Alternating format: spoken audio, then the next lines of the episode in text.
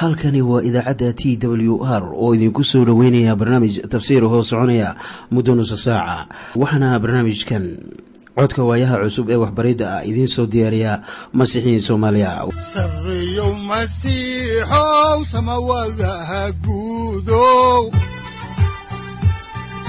Siraadkii adduunkow subanaha eebow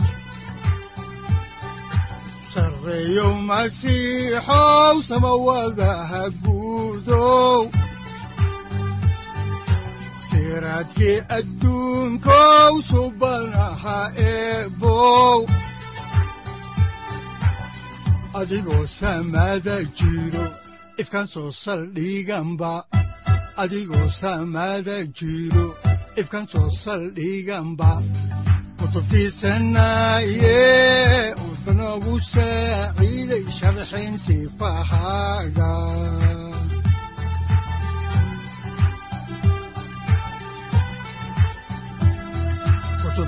kutubtiisinayo ebanagu saaciid sharxin sifahaaga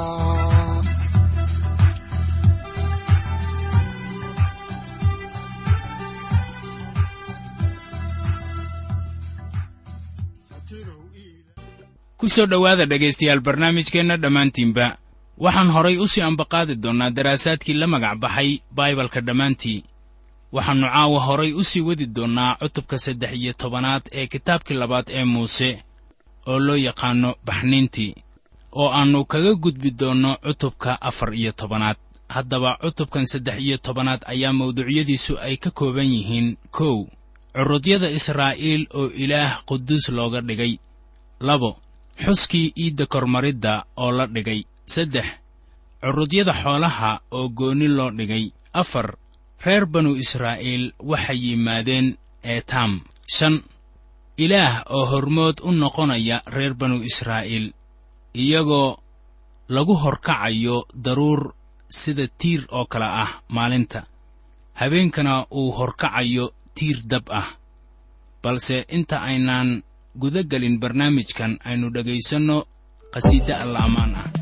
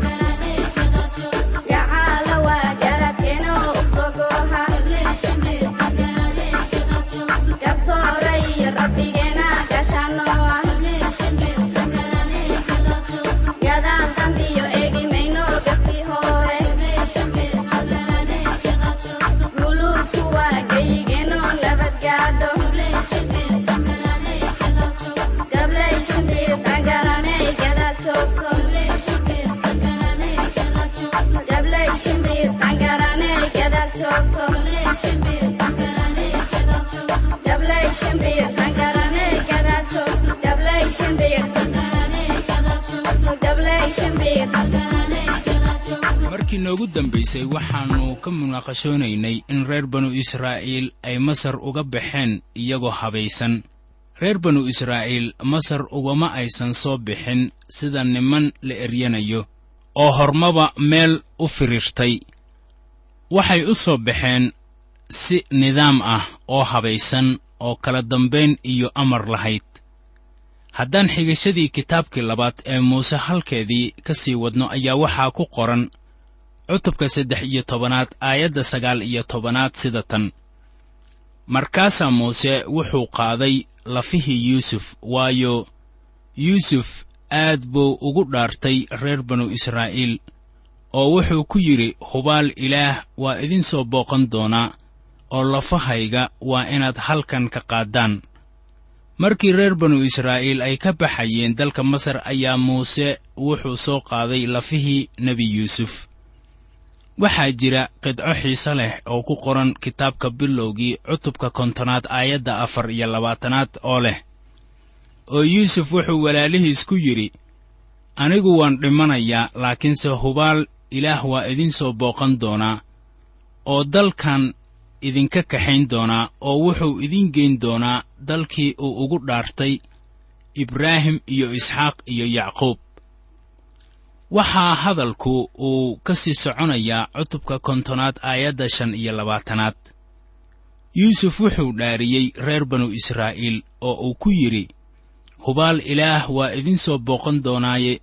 Idinkuna waa inaad lafahayga halkan ka qaaddaan ugu dhowaan laba boqol oo sannadood baa ka soo wareegatay markii yuusuf uu hadalladan kula hadlay.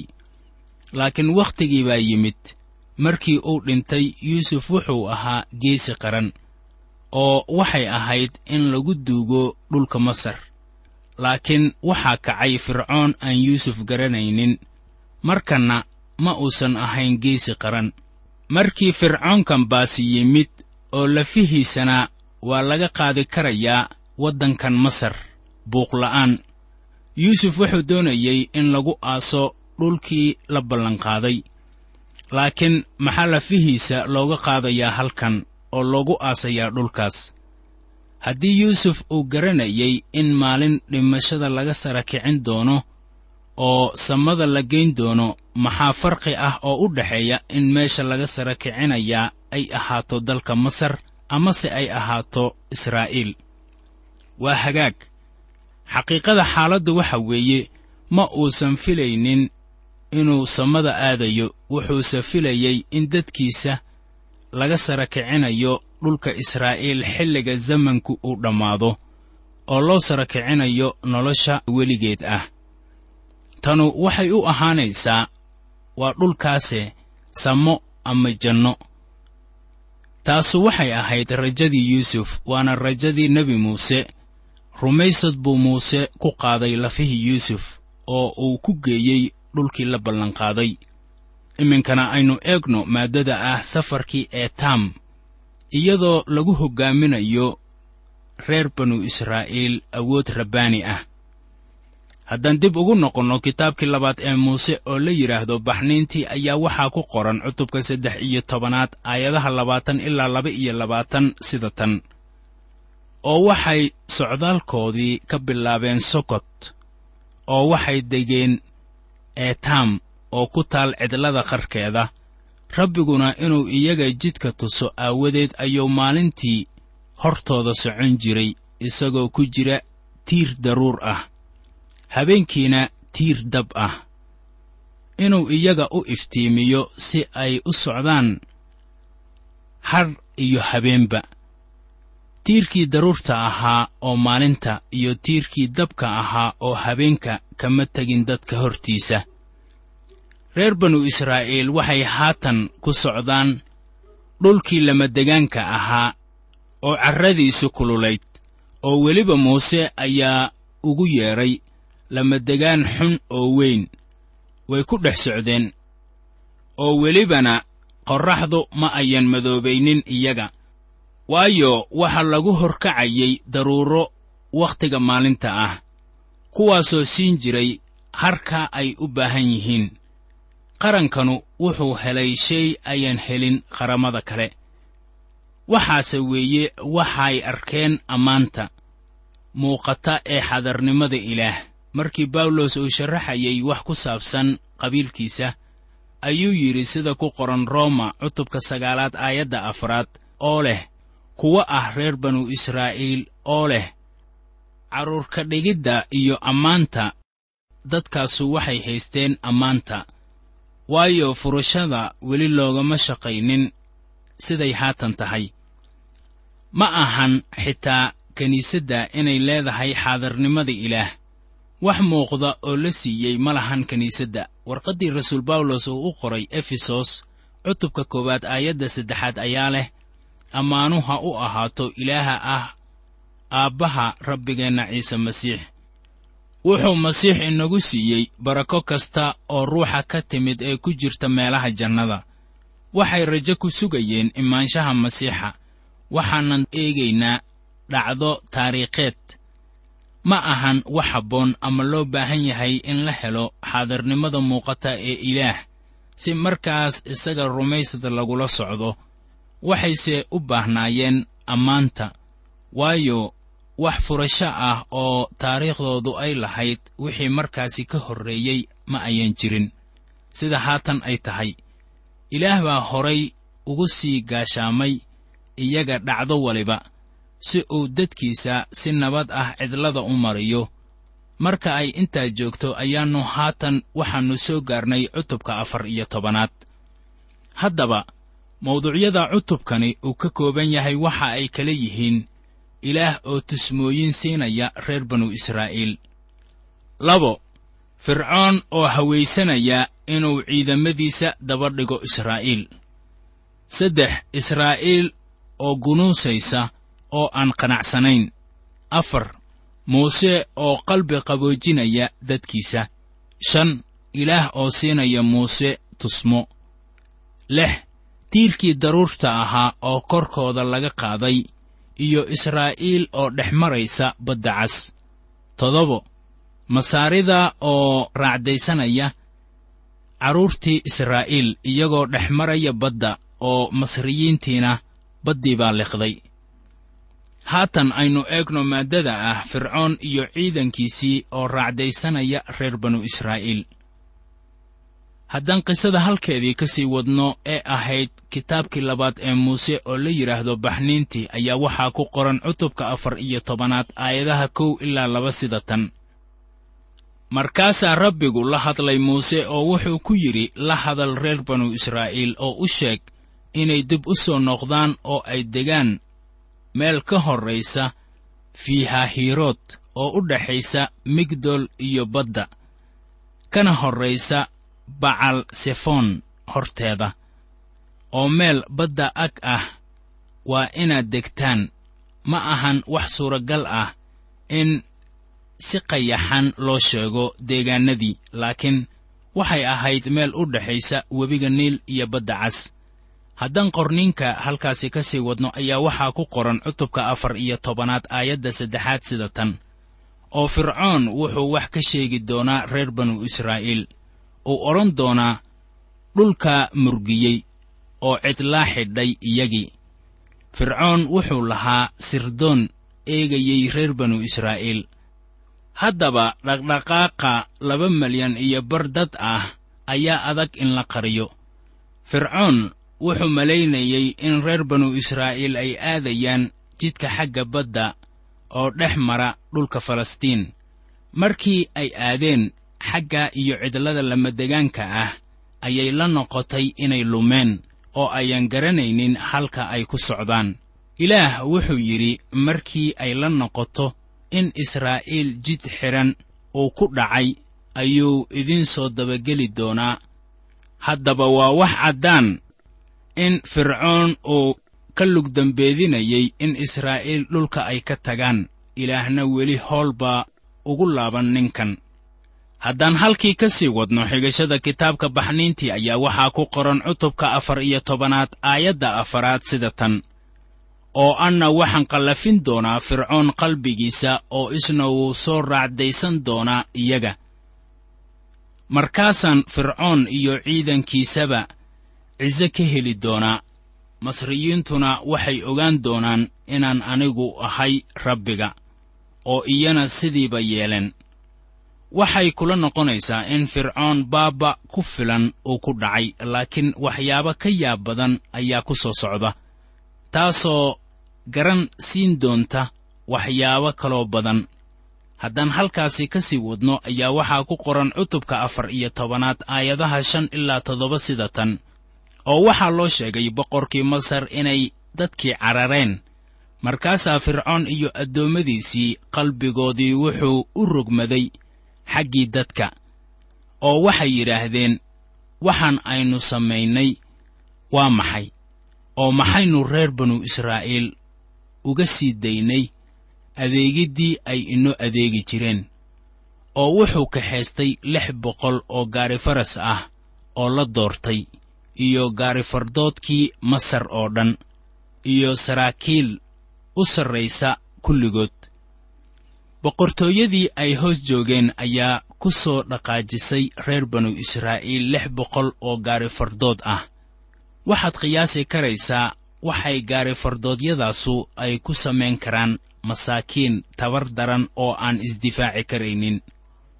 Khaasatan dumar carruur iyo lo'doodii waxay dusha ka saarayaan baabba iyo balaayo haddaan dib ugu noqonno kitaabka baxniintii cutubka afar iyo tobanaad aayadaha siddeed ilaa toban sida tan ayaynu ka akhrinaynaa markaasaa rabbigu u qallafiyey qalbigii boqorkii masar oo fircoon ahaa. Kolkaasoo wuxuu raacdeystay reer banu israa'iil waayo reer banu israa'iil waxay ku baxeen gacan sarraysa.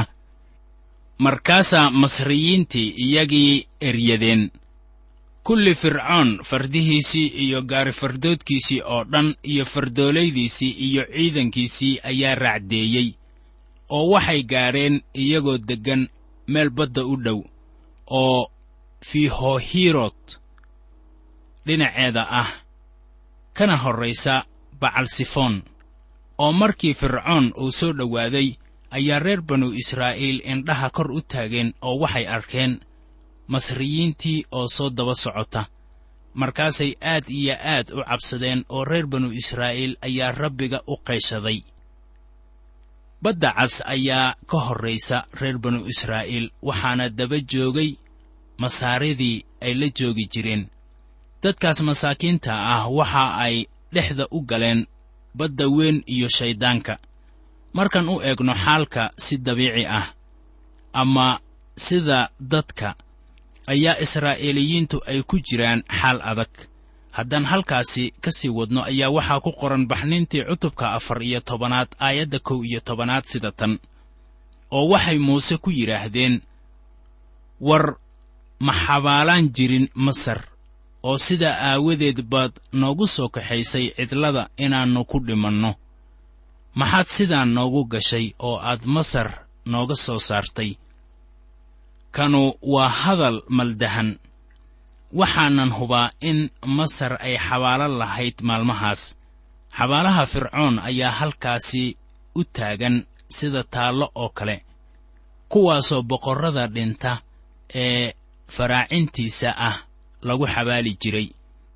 Marka waxaa dhulka ku baahsanaa xabaalahaas oo waxaa jiray dhul xabaalo loogu tala galay loona yaqaanno mumiyas reer banu israa'iil waxay lahaayeen war ma xabaalaan jirin masar oo sida aawadeed baad noogu soo kaxaysay cidlada inaannu ku dhimanno. Reer banu israa'iil waxay la ahayd in lagu layn doono cidlada. Haddaan halkaasi ka sii wadno xigashada kitaabka ayaa waxaa ku qoran cutubka afar iyo tobanaad aayadda laba iyo tobanaad sida tan. Soo erayganu ma aha kii aannu kugula hadalnay masar dhexdeeda. Annagoo ku leh iska kaayadaa aannu masriyiinta u adeegne waayo waxaa noo wanaagsanaan lahayd inaannu masriyiinta u adeegno intii aannu cidlada ku dhiman lahayn. Reer banu israa'iilka joogay waddanka masar waxay u ooyayeen samata bixin. Ilaah wuxuu siiyey fursad ay ku baxsadaan oo daqiiqadii ay khatarta galeen ayay dooneen inay masar dib ugu laabtaan. Haatanna waxaad ogaataa waxa ilaah uu u samayn doono dadkiisa. Wax caawimaad ah ma haystaan oo rajana ma leh. Haddaan ilaah furasho ama gargaar keenin. Haddii ay tahay in la bixiyo ilaah ayaa samayn doona samata bixinta. Waana jeclaan lahaa in marxaladtooda oo kale ah ay nala kulanto waxaanan innaga oo dhammi noqon lahayn sida reer banu israa'iil. Haddii aynu raaci lahayn cirbixiyeennada oo aan tegi lahayn dayaxa oo aannu dunideenna ka soo eegi lahayn halkaas waxaynu arki lahayn dadkii dunida oo dembi ku lumay. Bilxaqiiqa dunideennu waa mid aan caawimaad lahayn waana dhul xabaaleed oo weyn warqaddii rooma cutubka shanaad aayadda laba-iyo tobanaad ayaa bawlos uu ku leeyahay haddaba sida dembigu nin keliya dunida ugu soo galay. Dhimashaduna dembiga uga timid. Sidaasaa dhimashadiina u gaadhay dadka oo dhan waayo waa la wada dembaabay. Dadku waxay dembi ku soo socdeen ilaa iyo shan kun oo sannadood. Halkeebay u soo socdeen? Dadku waxay u soo socdeen qabrigooda ma ahan wax qurux badan laakiin waa xaqiiqo inay dhimasho ku socdeen. Dadku waxa weeye kuwa ugu dembiga badan carshiga eebbe. Iminkana aynu arrinka kaga gudubno maaddada ah guushii ilaah oo ka guulaystay masaarida.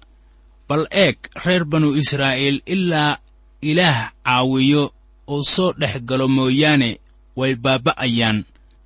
Aniga iyo adigana layna samata bixin maayo in ilaah uuna samata bixiyo mooyaane saaxib. Furashadu waa hawsha sayidka rabbiga ah.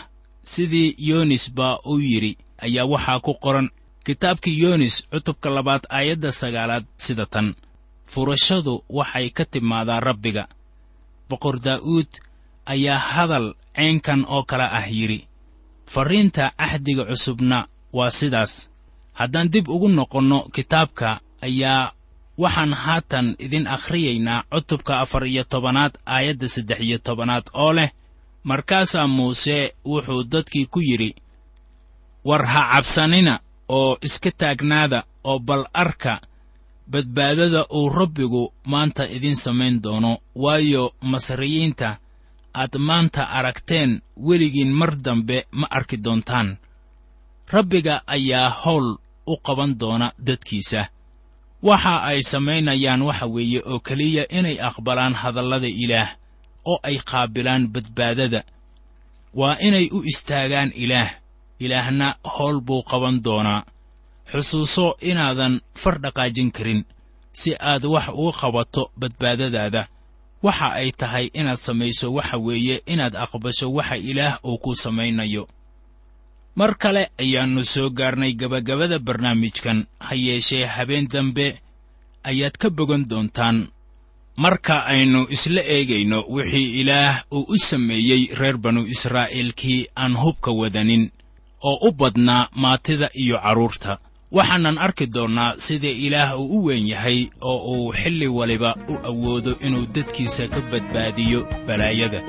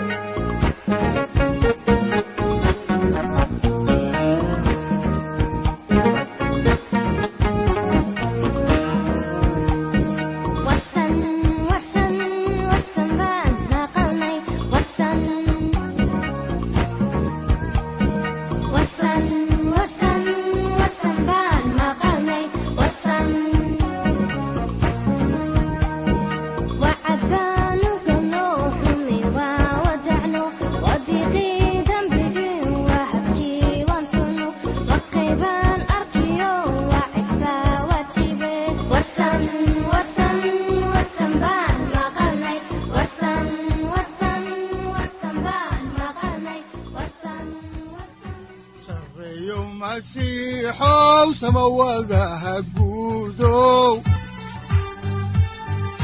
siraadkii adduunkow subanaha eebow adigoo samada jiro ifkan soo saldhiganba adigoo samada jiro ifkan soo saldhiganba kutubtiisanaye udbanogu saaciiday halkani waa t w r idaacadda t w r oo idinku leh ilaa ha idin barakeeyo oo ha idinku anfaco wixii aad caawi ka maqasheen barnaamijka. Waxaa barnaamijkan oo kalea aad ka maqli doontaan habeen dambe hadahan oo kale haddiise aad doonaysaan in aad fikirkiina ka dhiibataan wixii aad caawi maqasheen ayaad nagala soo xiriiri kartaan som t w r at t w r c o k e. Haddii aad doonaysaan in aad dejiisataan oo kaydsataan barnaamijka ama aad mar kale dhegaysataan fadlan mar kale booqo www t w r o r g. Amase waxaad teleefoonkaaga ku kaydsataa ama ku download garaysataa agabyada ku sahli karaa dhegeysiga t w r haddii aad doonayso in laga kaalmeeyo dhinacyada fahamka kitaabka amase aad u baahan tahay duco fadlan fariimahaaga soo mari bogga aaraahda ama kommentska inana jawaab degdeg ah ayaanu ku soo diri doonaa amase ku siin doonaaye sareeyow masiixow salula